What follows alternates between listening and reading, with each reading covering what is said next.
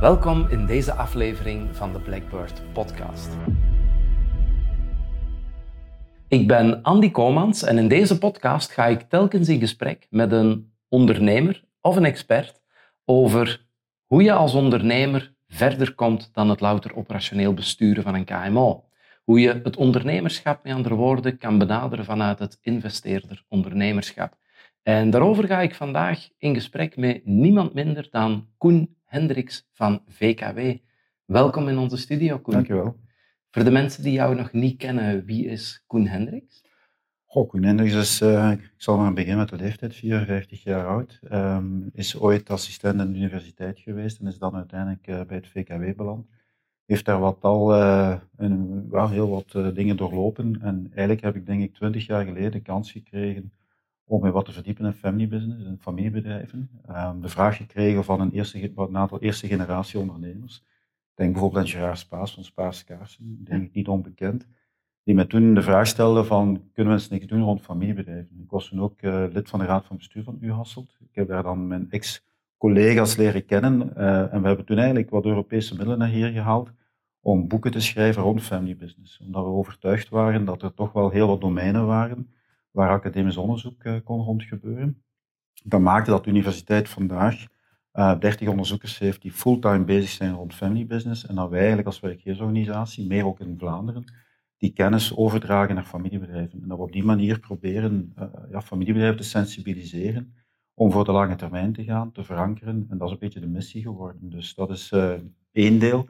En dan heb ik het geluk dat ik ook nog heel lang in sociale huisvesting heb mogen vertoeven waar dat ik eigenlijk alles rond corporate governance heb kunnen implementeren en dat ik eigenlijk zelf politiek heb uh, leren omgaan met het begrip corporate governance. Dus wat dat betreft was dat een zeer leerrijke periode. Absoluut. Uh, ja, je hebt heel wat ervaring ondertussen op een palmarès staan in verband met familiebedrijven. VKW, je hebt het ook al benoemd, is een werkgeversorganisatie Klopt, ja. uh, in Limburg. Hè, dus daar is jullie, jullie bakermat of thuisbasis, als ik het zo mag benoemen. Um, Familiebedrijven zijn voor mij altijd een, een, een heel interessante dynamiek. Um, en wat mijn vaststelling zo'n beetje is, is dat de familiebedrijven die het goed aanpakken, daar kunnen alle andere KMO's in Vlaanderen iets van leren. Dus voor de mensen die nu aan het kijken of het luisteren zijn, en je bent geen familiebedrijf, blijf kijken of luisteren, want je gaat ook uit dit gesprek heel wat zaken halen die je ook in uw bedrijf, in uw KMO kunt gaan toepassen. De keerzijde van die medaille is wel dat ik heel vaak zie dat familiebedrijven in een veel meer beladen context zitten. Ehm, het ligt allemaal veel gevoeliger. Ehm, het is moeilijker om erover te praten. Het is moeilijker om door bepaalde barrières te geraken. Om dat familiale naast dat zakelijke te krijgen. Het, boeiende vind ik, hè, want als ik mezelf in een observerende rol zit ja. en ik heb eigenlijk het traject mogen meemaken vanaf begin, waar ik zelf het geluk heb om in raden van advies te belanden van familiebedrijven, met families uh, geconfronteerd geraken en eigenlijk ook in de interne keuken, zal ik maar zeggen, is altijd de vraag, en, en daarom uh, ga ik vooral naar de, de academici kijken, hè, wat is het begrip familiebedrijf? Wanneer is uiteindelijk men een familie? Wanneer is men een familiebedrijf? Men zegt, every startup starts as, as, as sometimes as a family firm. Dus het, men is ja. ooit wel eens ge, gestart als een start-up en men kan evolueren naar het familiebedrijf. Um, er is een evolutie. Ik denk dat, dat uh, die evolutie ook meer te maken heeft dat de nieuwe generaties ook veel kwetsbaarder zijn. En met een familie, en je hoeft daarvoor geen bedrijf te hebben, je hoeft alleen maar eens te kijken naar je eigen familie. Um, hoe open spreekt, men? Hoe open spreekt men met de partner? Um, als het gaat over erfenis. Als wat men noemt de koude kant, de schoolfamilie aanwezig is, dan moet men maar eens gaan kijken op feesten, hoe de dialogen eraan toe gaan. Hang daar dan ook nog eens een bedrijf onder en dan krijg je een heel andere dynamiek. En ik denk dat dat heel belangrijk is, is dat uh, het zijn mensen. En mensen die met elkaar bezig zijn, uh, treden in relaties. En ik denk dat er één belangrijk begrip in de evolutie bezig is rond familiebedrijven, dat is communicatie. Enerzijds, dialoog, anderzijds, maar ook hoe transparant communiceren we met elkaar. Um, en als we de lange termijn nastreven, dan denk ik dat de focus vandaag ligt vooral op families te leren dialogeren met elkaar Mm Te leren communiceren met elkaar. Maar als je dat nu wegtrekt van het familiebedrijf en je gaat vandaag in eender welk bedrijf, zeker ook met de hele pandemie die we hebben meegemaakt, thuiswerk en dergelijke meer, ja, eerlijk gezegd, terug in verbinding treden met elkaar vereist communicatie. Alleen met een familie komt er nog de bloedband bij. Ja. En dat maakt eigenlijk het extra complex. Maar mijn inziens, alles moet gefaciliteerd worden.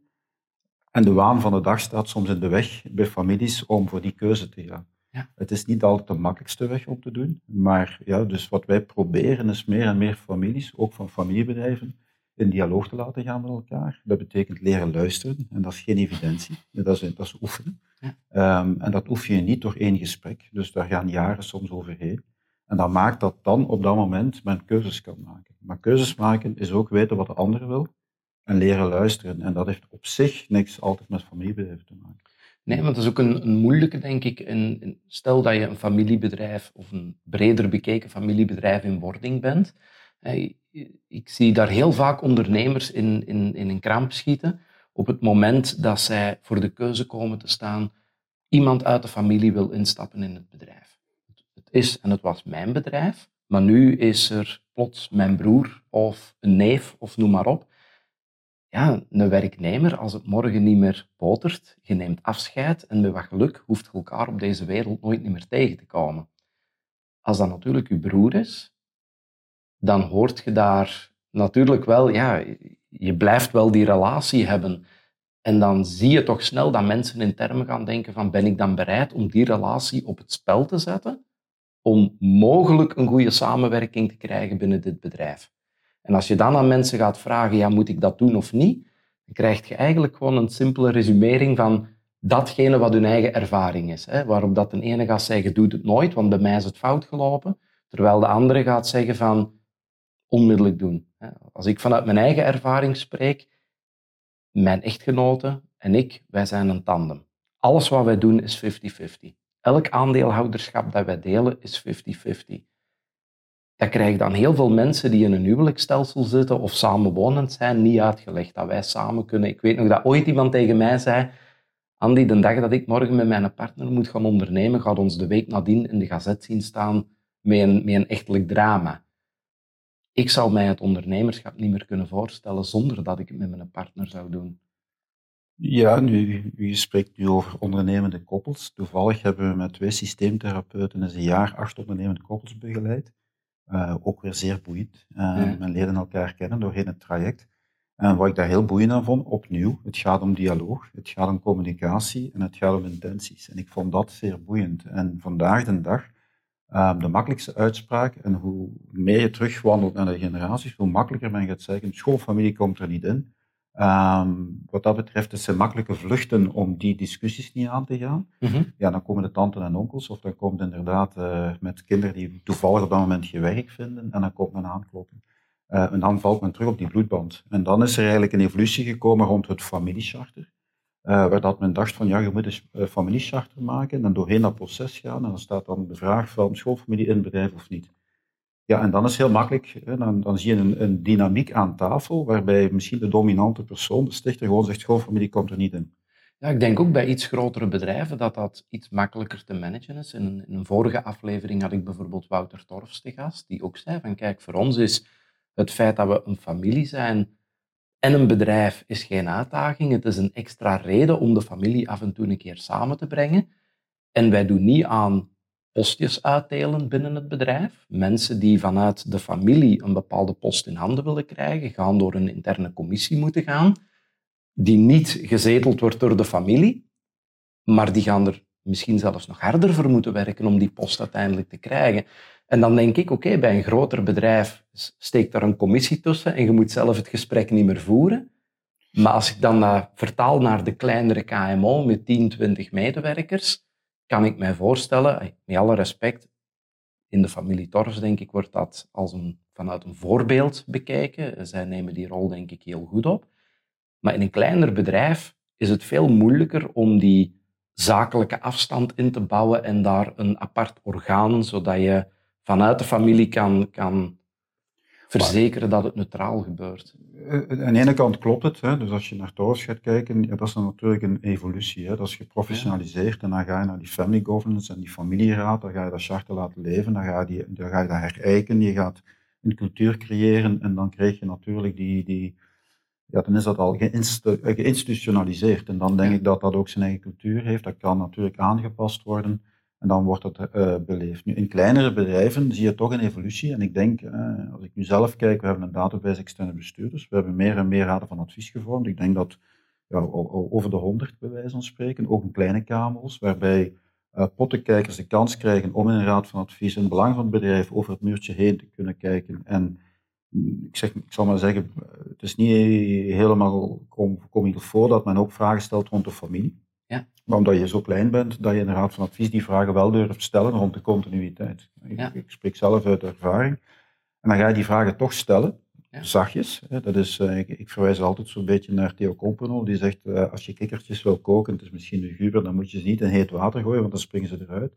Je moet ze zacht op het vuur, uh, heel zachtjes aan garen.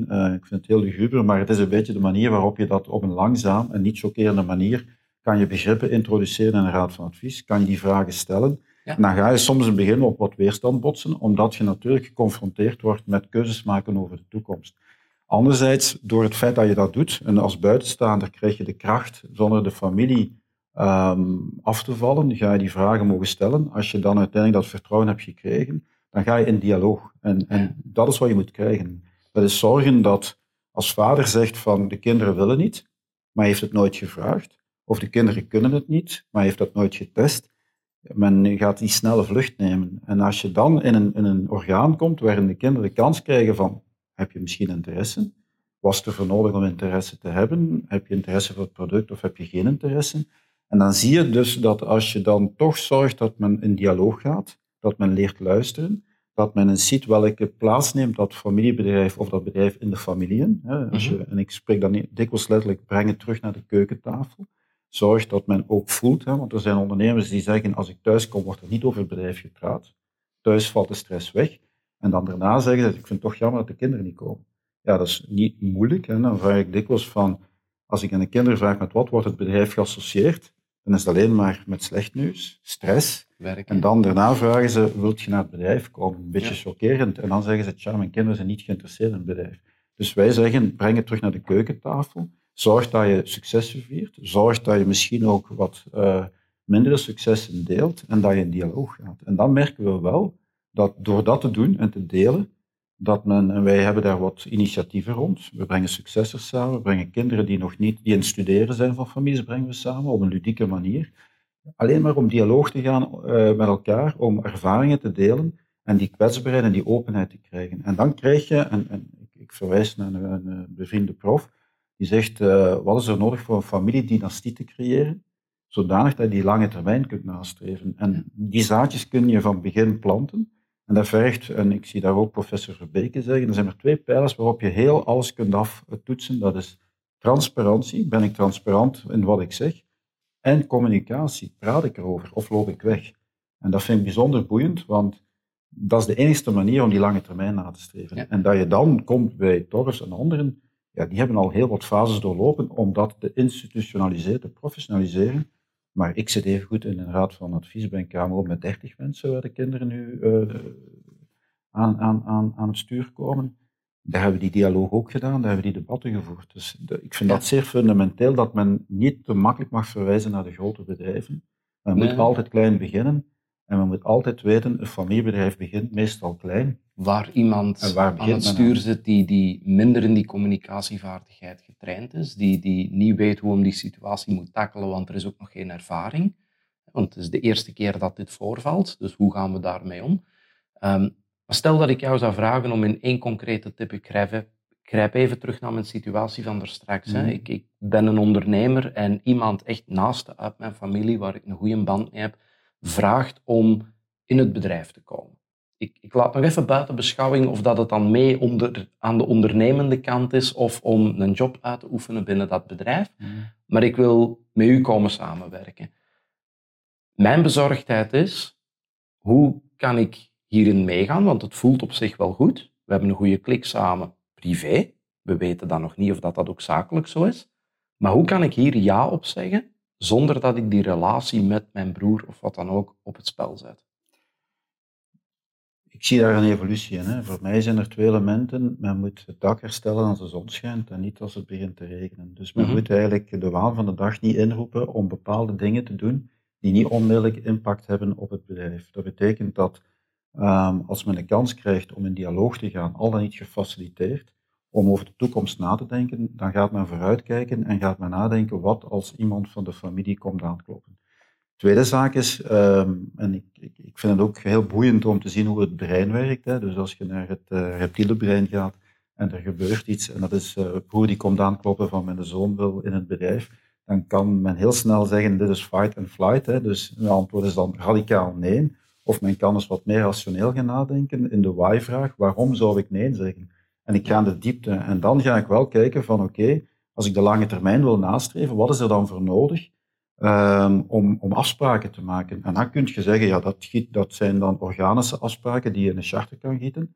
Maar ik heb nu, je sprak daar straks van 50-50, we hebben nu twee zonen die in een familiebedrijf komen en die gekozen hebben om elk 50%. Dat is risicovol, ja, want uh, de zon schijnt, hè, alles gaat oké. En toch moet je gaan nadenken, wat als wij nu in geschil komen met elkaar? Wat als er wij nu meningsverschillen hebben, want 50-50 kan gevolgen hebben voor het bedrijf. Um, dan kan je zeggen, we gaan dat even neerschrijven zonder dat dat op een organische manier, maar dan is dat, heeft dat weinig kracht. Hè? Dus een charter heeft op dat vlak weinig kracht. Wat ik vandaag meer en meer zie, is als men zich laat faciliteren om dat in een aandeelhoudersovereenkomst eh, te gieten, ja. wanneer de zon schijnt, maar heel diep gaat ja. en heel breed, en breed betekent, je kan alles regelen in een aandeelhoudersovereenkomst. Als iemand zegt van, kijk, ik wil twee maanden per jaar uh, wil ik naar, naar, naar het buitenland, dan ben ik bestuurlijk niet aanwezig. Digitaal kan vandaag veel. Wat zijn daar de consequenties van? Ja. Uh, wat als ik nog een maand langer, of ik kom niet terug? Die dingen kun je uitspreken. Weer vanuit een dialoog, weer vanuit uh, de, de, intentie van, oké, dit is wat ik wens, ik kan dit uitspreken. Dat kan je allemaal afzekeren.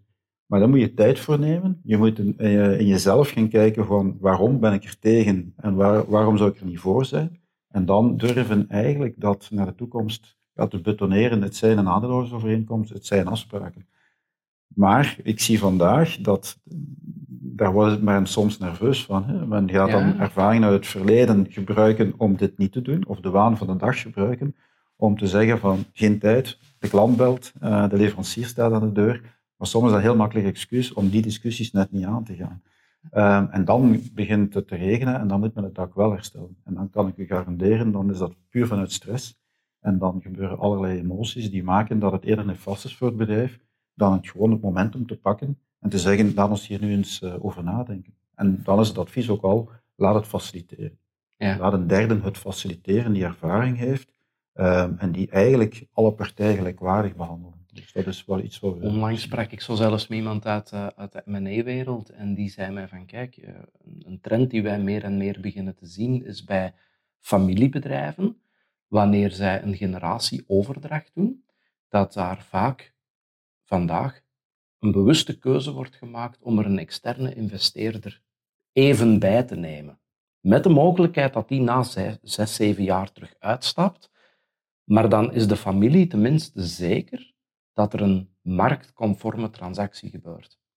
Omdat dat bij families, zeker als er over gekocht moet worden, vaak de discussie veel moeilijker ligt dan wanneer dat je in een normaal overdrachtverhaal zit van een ondernemer die zijn zaak wil verkopen. Natuurlijk. Het is natuurlijk weer emotioneel. Hè. Ik, ik, was aan het nadenken op een zeker moment en ik droomde nog steeds dat als je spreekt over geduldig kapitaal, uh, je hebt ook meer en meer family offices. Ja. Waarbij je family for family, hè, waarbij de ene familie participeert en een andere familie met een lange termijn perspectief ja. kennis binnenbrengt binnen een eventuele raad van bestuur, waardoor je die professionalisering krijgt en ook eigenlijk zegt van kijk, dit bedrijf heeft uh, absoluut een hele goede strategie en is levensvatbaar voor de lange termijn. Um, ik heb één ding heel goed onthouden, uh, en dat is een belangrijke tip, vind ik ook uh, naar alle familiebedrijven. En dat heb ik zelf ook toegepast in de Raad van Advies, waar ik eigenlijk zelf aanwezig ben. Uh, het kwam van Vlerik trouwens, uh, met een goede vriend uh, Miguel Mulleman. En die zei, eigenlijk moet je maandelijks naar je bedrijf kijken alsof je het maandelijks gaat verkopen. Ja. Niet dat je het gaat verkopen, maar eigenlijk moet je gaan kijken van, stel dat we het nu willen verkopen. Ik ben braaf dan. Ik zeg, ik zeg mensen die mijn trajecten volgen, doe dat ene keer per jaar. Eigenlijk moet je het maandelijks doen, omdat um, er kunnen zich situaties voordoen want de ondernemer zelf, vanuit zijn emotionaliteit, heeft een totaal andere waarde in zijn hoofd dan als je met een raad van advies met externe werkt. En we hebben dat, die oefening gedaan. Dus ik mensen als je dit bedrijf nu wenst te verkopen, dit is 0 euro waard. Want Ja. Er hangen veel te veel zaken onderliggend aan. Ik spreek dan zelfs niet over een dode voorraad of ik spreek eventueel iets belastend in het bedrijf. Dat de site niet verkoopbaar is. Allerlei elementen kunnen zich voordoen die maken dat je moet doen alsof het bedrijf maandelijks zou verkocht worden. Zodanig dat je ook een realistische waarde in je hoofd krijgt. Ja. Um, en finaal genomen niet de obstakel gaat zijn als je naar de volgende generatie wenst over te dragen. Een tweede zaak wat ik ook heel, heel boeiend vond, uh, dat is ook vanuit een doctoraat van, van Ellen Jansen, die zei van kijk, um, je hebt twee elementen. Je kan het bedrijf schenken aan de volgende generatie en je hebt natuurlijk heel wat systemen er rond. Of je kan het bedrijf verkopen aan de volgende generatie, dat het niet zomaar gratis gegeven wordt. En vanuit het onderzoek um, zegt men, je kan, wil, wanneer heeft het bedrijf een betere levensvatbaarheid en betere financiële prestaties? Dat is als de ene generatie het verkoopt aan de andere generatie, dan wel schenkt. Wat ligt daaronder? Dat heeft puur te maken weer met de emotionaliteit. Op het moment dat een bedrijf schenkt, wordt er impliciete schuld gecreëerd. Waarbij, ja. ik, maken dat letterlijk mee uh, met, met kinderen die het bedrijf geschonken gekregen hebben, waarbij als ik spreek vader of moeder, hè, dus die de vorige generatie, uh, in gepaste tijden en ongepaste tijden naar het bedrijf komen. Omdat ze zeggen, ik heb iets gegeven, dus ik kan nog iets terugvragen. Uh, op het moment dat het bedrijf verkocht wordt, dan is de generatie die op dat moment aan het roeren en eigenaar is, zit ook aan het stuur om de koers te wijzigen, of aan de vorige generatie te zeggen, je bent altijd welkom, maar liefst op dat moment, wanneer ik er ben, of uh, dan kan, kunnen er afspraken gemaakt worden vind ik ook zeer boeiend. Ja, eh, plus ook de zaken, denk ik, die er heel snel, snel uitgesproken zijn, maar waar dat een impact niet van ingeschat wordt op een juiste manier. Een tijdje terug, uh, in een vlucht op televisie, was het een, een, familie die een overdracht aan het doen was uh, van een bedrijf. En op een bepaald moment zegt de vader aan tafel met de kinderen erbij, ja, ze mogen de zaak overnemen, wat betekende we schenken ze, maar ja, dan moeten ze het wel blijven doen en goed blijven doen. Waarbij dat je inderdaad al direct niet een schuld, maar bijna zelfs een schuldgevoel bij die kinderen gaat installeren van ja, dit is een bol aan een ketting, ik hang daaraan vast, ik moet dit bedrijf nu blijven doen.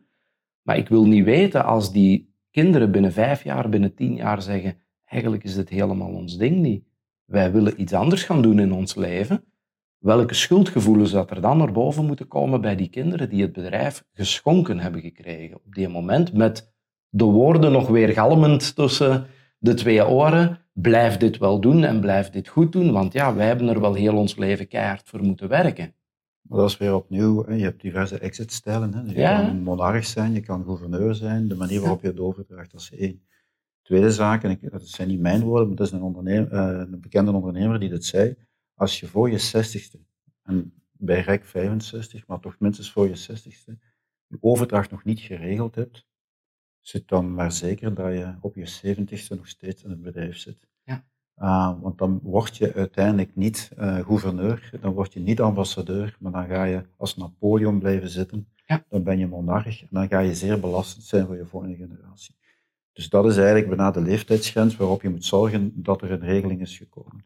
Daaraan gekoppeld liefst het verkopen, tot de volgende generatie te horen en dan hoe je het regelt, maar dat, dat die impliciete schuld uh, ook niet bestaat. En wat ik nog boeiender vind is, um, en dat was dat doctoraat van Mira Bloemen, die duidelijk zegt, kan je, kan je passie creëren bij de kinderen rond het bedrijf? Het antwoord was ja. Omdat sommigen denken van, uh, gaan we dat dwingen? Gaan we kinderen dwingen? Wat, wat is er voor nodig om het, het, familiebedrijf een plaats te geven, het bedrijf in de familie? En, en dat vond ik wel heel mooi. Dat is eigenlijk ja, die keukentafel terugbrengen en weten dat je een rolmodel bent. En dat betekent dus dat je heel goed moet nadenken, uh, dat je met positieve verhalen moet komen. Dat je moet goed nadenken dat als je een bepaalde uitspraak doet, dat dat bij kinderen kan blijven hangen, dat twintig jaar later kan gebruikt worden waarom men niet in het bedrijf springt. Dus het is meer coachend zijn of coach zijn van de overdragende generatie, maar het liefst al op het moment dat ze zeer actief zijn en niet op hun 65ste. En heel goed nadenken welke druk men legt op de volgende generatie. Maar je kan passie creëren bij kinderen zonder dat dat uiteindelijk gedwongen wordt. En dat maakt deel uit van, ja, dat is opnieuw weer psychologie, emotionaliteit, dialoog. En uh, ik moet zeggen, doorheen de twintig jaar ben ik enorm fan van dat tweede geworden, omdat dat relationele zeer fundamenteel is voor de continuïteit van die bedrijven. al de andere zaken, de technieken, de fiscaliteit en anderen, vroeger noemden we dat de hard skills, voor mij zijn dat de soft skills. De hard skills is dat eerste, waar dat men vroeger niet door aan raken, ja. want dan kwam je op de intimiteit van de familie. Um, en dat is het boeiende, want zij vragen die kwetsbaarheid, en er zijn heel veel overdrachten bezig, hè, ook in Limburg, hè, en dat merken we. En de vraag is welke belasting wilt je meegeven, ofwel hoe, krijgen, hoe kunnen ze dat ondernemerschap uitdragen. Ja. En ik vind dat een VKW, niet alleen in Limburg, maar ook in Vlaanderen, ik denk dat heel wat adviseurs en anderen daar een heel belangrijke eh, verantwoordelijkheid in hebben. uiteindelijk, ik denk de kortste weg om die passie bij de kinderen voor het bedrijf te laten ontwikkelen, is dat je als ouder, denk ik, één taak hebt. En dat is zorg dat je kinderen misschien geïnspireerd eh, geraken om te gaan ondernemen. En laat voor de rest ze vooral hun eigen ding doen en hun eigen pad kiezen. Ik denk dat er twee elementen zijn. Hè. Het zijn zo'n heel subtiele dingen. Vakantiewerk. Is het een, een vanzelfsprekendheid dat er vakantiewerk gedaan wordt in het bedrijf? Twee, is het uh, wordt men dan, uh, dan al betaald voor dat vakantiewerk? Of gaat men de antwoorden geven, het bedrijf is toch later voor u? Ja. Het zijn die dingen die heel klein subtiel zijn, maar heel fundamenteel. Ik ken een, een niet onbekende familie, het bedrijf is jammer genoeg nu in buitenlandse handen. Jammer genoeg, want volgens mijn inziens zaten er twee zeer competente takken die dat absoluut hadden kunnen verder zetten. En ene zei van, we hebben altijd een raad van bestuur gehad in het bedrijf. En de andere had de raad van bestuur op een restaurant. En je kan eens raden welke generatie wel interesse had in het bedrijf over te nemen en welke generatie geen interesse had om het bedrijf over te nemen. Het zijn van die kleine subtiele dingen. Ja. En, en, en, Voor alle duidelijkheid, het zal die met zijn restaurant geweest zijn. Dus, dus eigenlijk daar zit een beetje het gegeven van ja, wie moet je daarin coachen? Het zijn die kleine subtiele dingen. En het, allee, nogmaals, ik heb het genoegen om met heel veel psychologen en, en klinische psychologen eigenlijk te mogen samenwerken. Um, om de emoties te mogen capteren. En het heeft daarmee te maken. Hè. Um, en, en, dat zal Wouter Touwers ook wel beamen, maar daar heeft het mee te maken. En dat moet je managen. Um, en dat is boeiend. Dat is heel boeiend. En, en dat maakt dat je niet meer door vies gaat zeggen, waar schoonfamilie komt er niet in. Totdat men zegt, er komt een zeer competente schoondochter of schoonzoon aan, kloppen op het moment dat niemand anders het wil doen. Oei, het charter stond dat schoonfamilie, dus dan, dat is al een heel groot probleem. En, het zijn die subtiele dingen die maken dat men veel dieper moet gaan in de dialoog, veel beter moet luisteren. Maar dat vergt tijd, dat vergt oefening en, en ook bereidheid van de ganse familie om dat te doen. En ik moet zeggen, daar zit mijn inziens kantelpunt vandaag om die lange termijn na te streven voor al die familiebedrijven. Ja, want ik gebruik een, een, een, uitspraak die ik gelezen heb van, van jou in 2014. Slechts één op drie familiebedrijven overleeft een generatiewissel.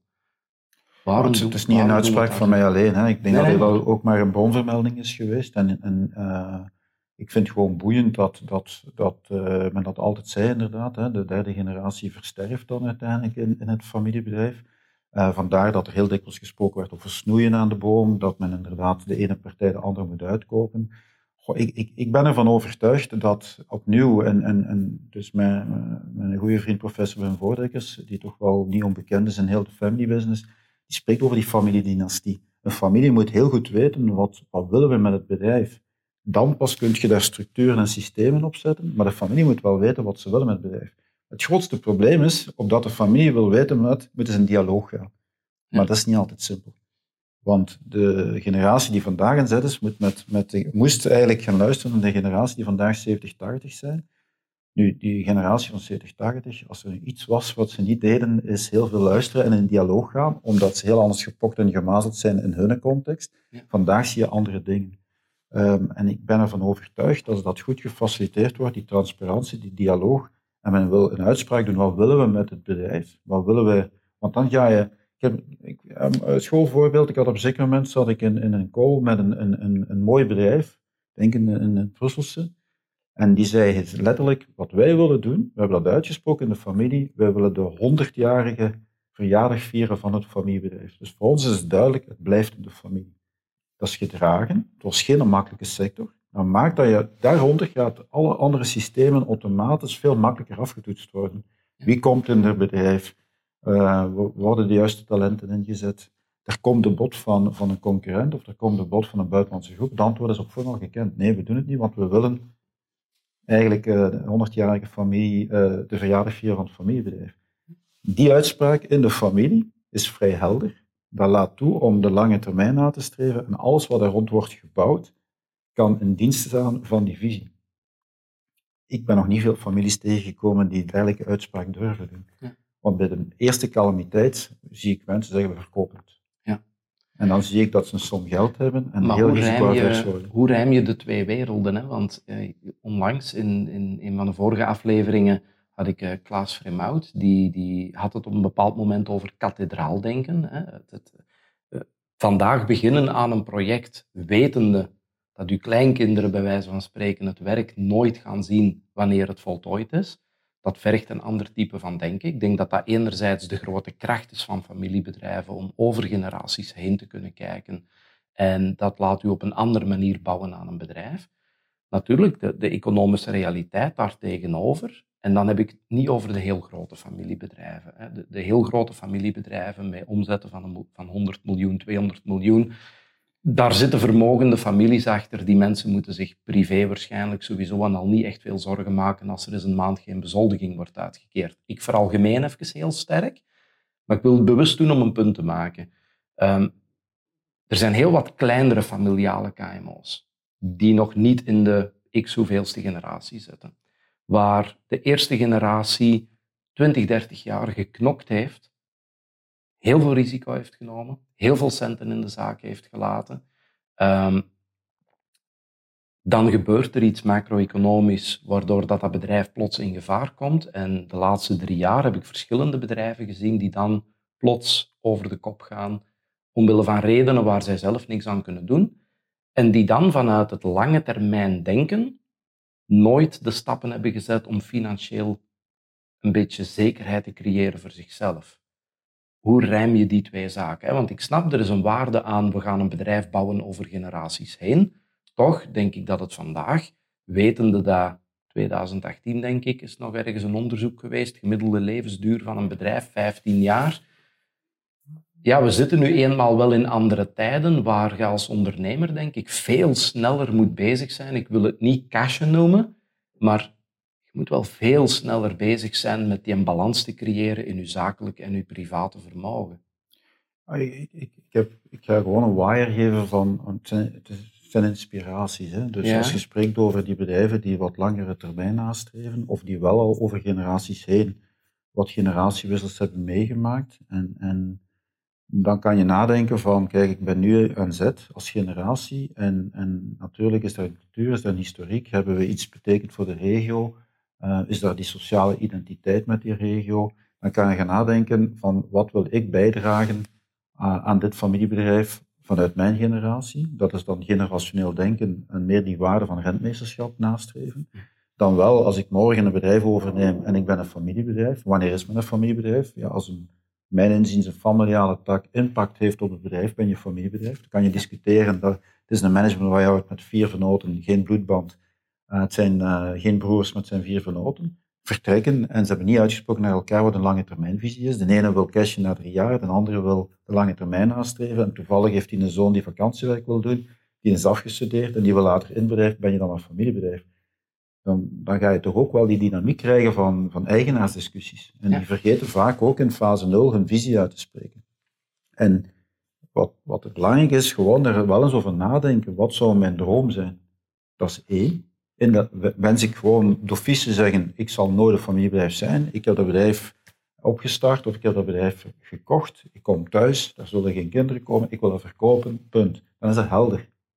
Dan weet je voor wat je dat, dan, dan zit je serieel ondernemer die, die op een ander niveau naar het bedrijf kijkt en dat ook verkoopt, punt.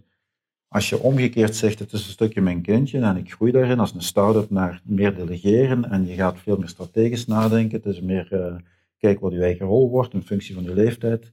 Heb je kinderen, heb je geen kinderen? Hoe ga je aan de continuïteit nadenken? Ja, dan, heb je, dan ben je wel in je visie bezig. En wat ik vind, um, want sommigen gaan te snel blijven aan boord, en dat zie je vaak ook bij zelfstandige ondernemers, waarin ze een heel, uh, hebben een halve erin gestoken hebben om toch maar dat kindje te redden, en te laat vaak. Ehm, en dan begeleid worden door een, een, boekhouder die daar niet te snel een visie rond geven. Wat ik wel, en dat is denk ik een nieuwe evolutie, als je pottenkijkers in het bedrijf toelaat, in de vorm van raden van advies, raden van bestuur, maar het wordt goed aangepakt. Hè, dus niet dat, dat, een, dat men ook pottenkijkers accepteert en men laat zich ook challengen in het belang van het bedrijf. Ja, en, en men neemt dat ook aan. En ik, ik heb het voorrecht om daar ook eh, deel van mogen uit te maken. Dan zie je wel dat als je daar dan in je rol van externen, in het belang van het bedrijf, de juiste vragen stelt. En weet dat je ook een belangrijke uh, verantwoordelijkheid hebt ter bescherming van het familiaal vermogen, dat je die dingen scheidt. En de familie kan daarmee om. Dan ga je als externe de familie net behoeden dat als bedrijfsmatig, strategisch het veel beter is om het bedrijf te verkopen. Of omdat er zich dingen zich voordoen die in belang van de familie, dan ga je hun de keuze laten van let op. Als je dit doet, dan gaat zich dat manifesteren, dan gaat dat familiaal vermogen eraan en jullie de keuze. Maar dan heb je tenminste door externe pottenkijkers, als ik het zo mag zeggen, die binnen een raad van advies en belang van het bedrijf de juiste eh, challenge mag neerleggen. En dat zie ik wel een evolutie. En vroeger zei men, wat, dat is alleen voor de grote bedrijven. Nee, ook voor bedrijven die bereid zijn om zich te laten challengen door de juiste mensen binnen de juiste structuur. En dat helpt, vind ik wel, los van het feit dat je wel moet nadenken over de toekomst. Ja. Vanuit je visie, vanuit je passie, en dan weten dat, dat, dat daarover nadenken, dat er niks fout aan is. Hè. Daarom moet je die, dat, dat pad niet bewandelen, maar er niet over nadenken. Alleen de waan van de dag betekent ook dat je kan ja, uh, tegenkomen dat het uh, begint te regenen en dat je dak lukt. Hè. Dat is een beetje wat wij, denk ik, uh, proberen vanuit, vanuit sensibiliseren en vanuit ideeën eigenlijk aan te reiken, zonder dat we de keuze nu plaats gaan.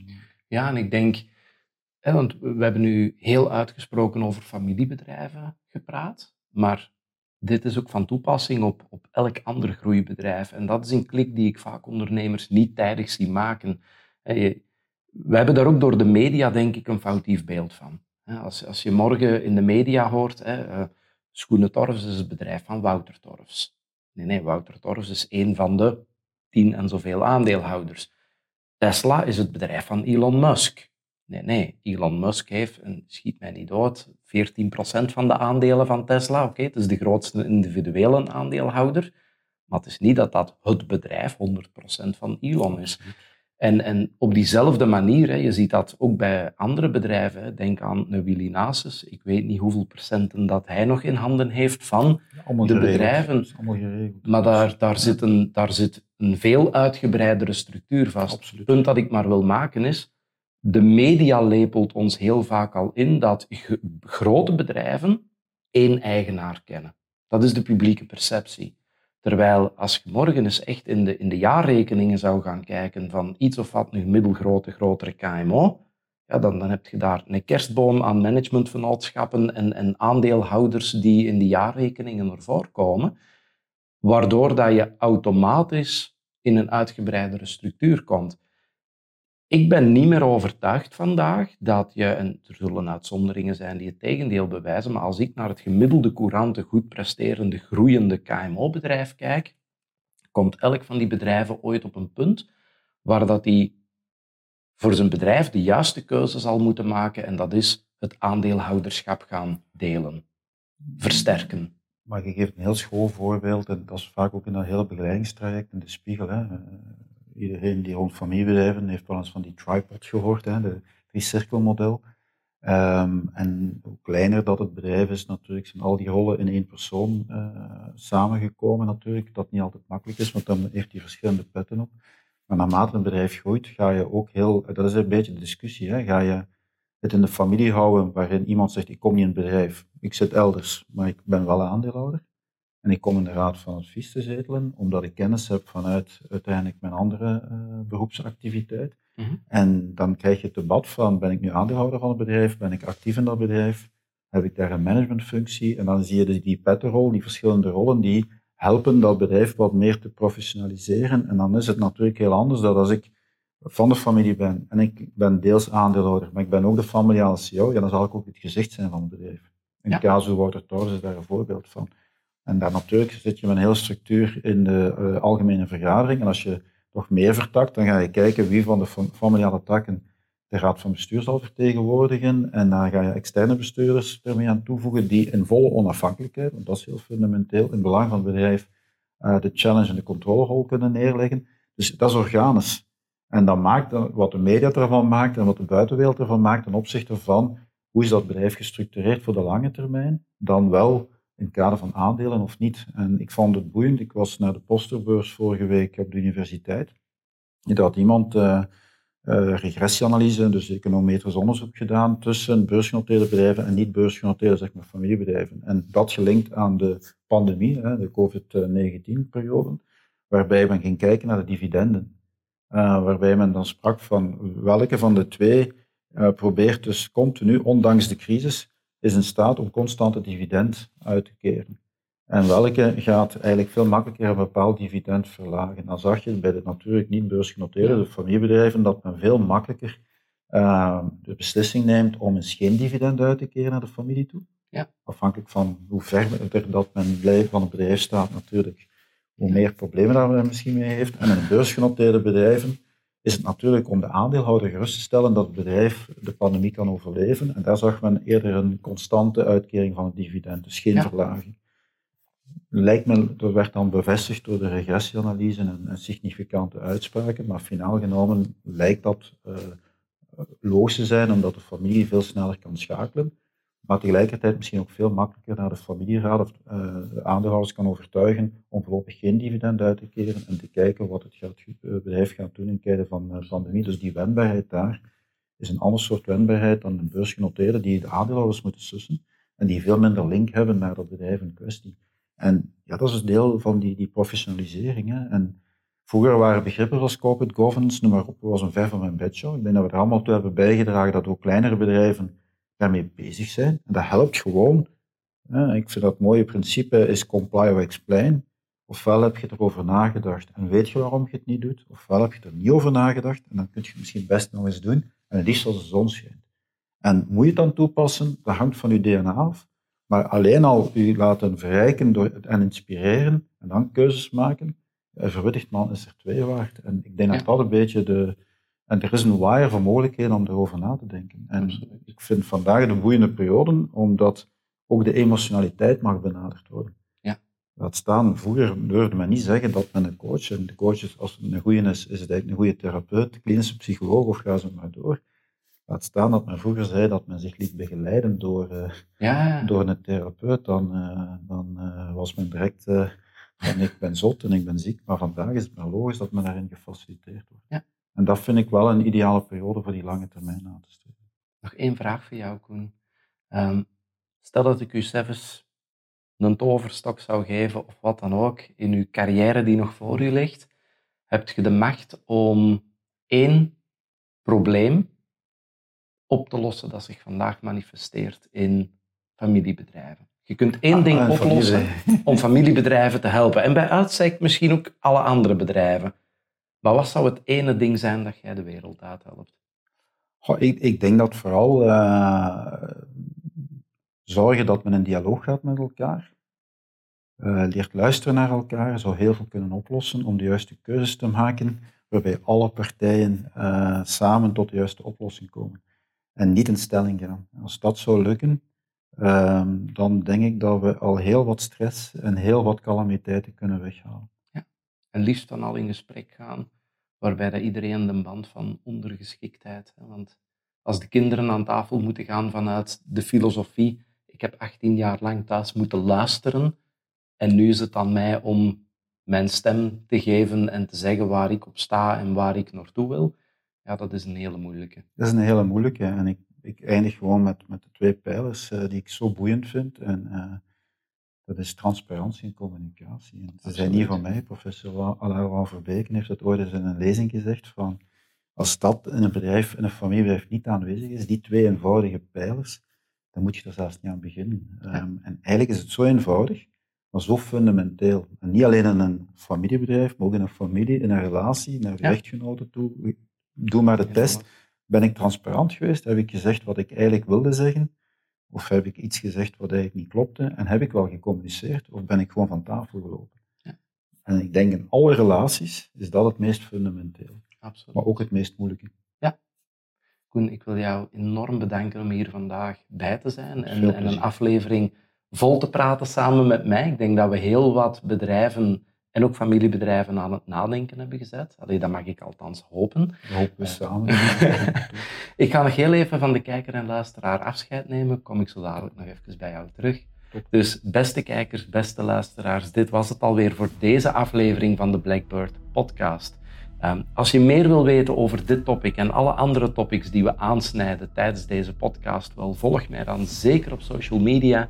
En wie weet komen we elkaar nog wel eens tegen, vroeg of laat, bij een van onze begeleidingstrajecten. 8 op 10 ondernemers met een succesvolle KMO slagen er nooit in om zichzelf los te koppelen van hun bedrijf. Hoe zit dat bij u? Door als ondernemer te blijven vasthangen in het operationeel besturen van uw bedrijf, zult gij nooit die cruciale sprong maken naar het investeerder ondernemerschap. En dat kost u veel meer dan je zou denken. Zoals op tijd uw verantwoordelijkheden delegeren of een managementteam installeren. Op een juiste manier omgaan met financieringshefbomen of kapitaal ophalen.